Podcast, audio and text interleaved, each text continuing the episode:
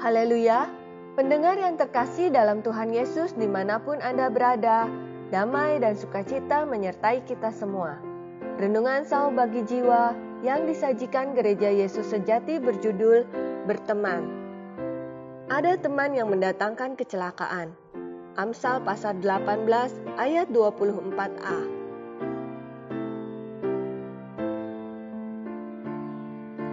Di alam, suatu materi cenderung berkumpul sesuai dengan jenisnya. Manusia pun demikian. Mereka suka membentuk kelompok yang berisi orang-orang yang sama jenisnya menjadi suatu komunitas. Kita dapat mengetahui hidup seseorang dari teman-teman seperti apakah yang ia miliki. Biasanya, orang-orang yang berbeda pandangan tidak akan berkumpul menjadi satu jadi, apabila kita ingin mengetahui macam apakah seseorang, kita perhatikan saja teman-temannya. Yonatan dan Daud telah berpaut hatinya satu sama lain sejak pertama kali mereka bertemu. Mereka sama-sama orang yang baik dan hidup dalam terang. Dan kesamaan karakter ini menjadi kekaguman mereka satu sama lain dan menjadi sahabat karib. Walaupun Saul, ayah Yonatan, sangat iri dengan Daud dan berusaha membunuhnya, tetapi persahabatan Yonatan dengan Daud tetap kokoh dan saling percaya. Sebaliknya, teman dari orang yang hatinya gelap dan najis biasanya tidak jauh-jauh berbeda dengannya.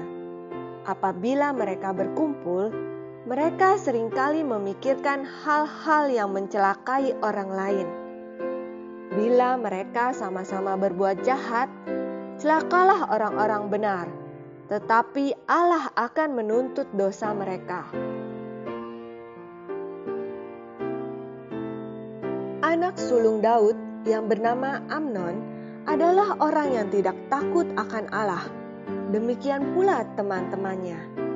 Salah satu teman Amnon bernama Yonadab yang masih merupakan sepupunya anak dari kakak Daud Simea, adalah orang yang licik dan jahat.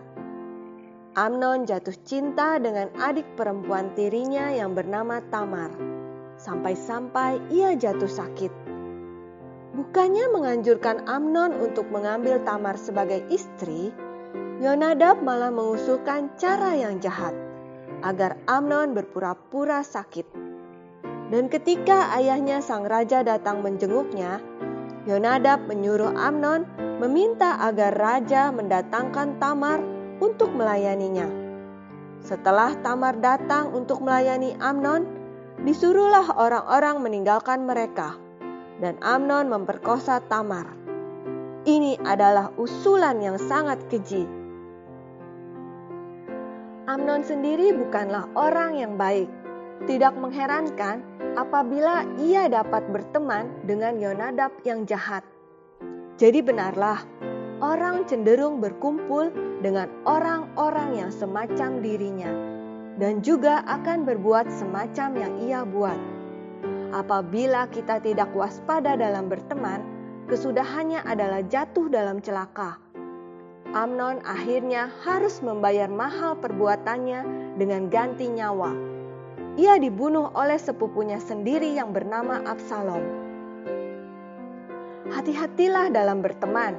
Kita perlu memohon hikmat dari Allah dalam pertemanan. Di malam yang sepi, hendaklah kita renungkan tentang macam apakah teman-teman kita. Dengan demikian, kita dapat mawas diri. Apakah kita adalah orang yang benar-benar takut akan Allah? Tuhan Yesus menyertai kita semua. Amin.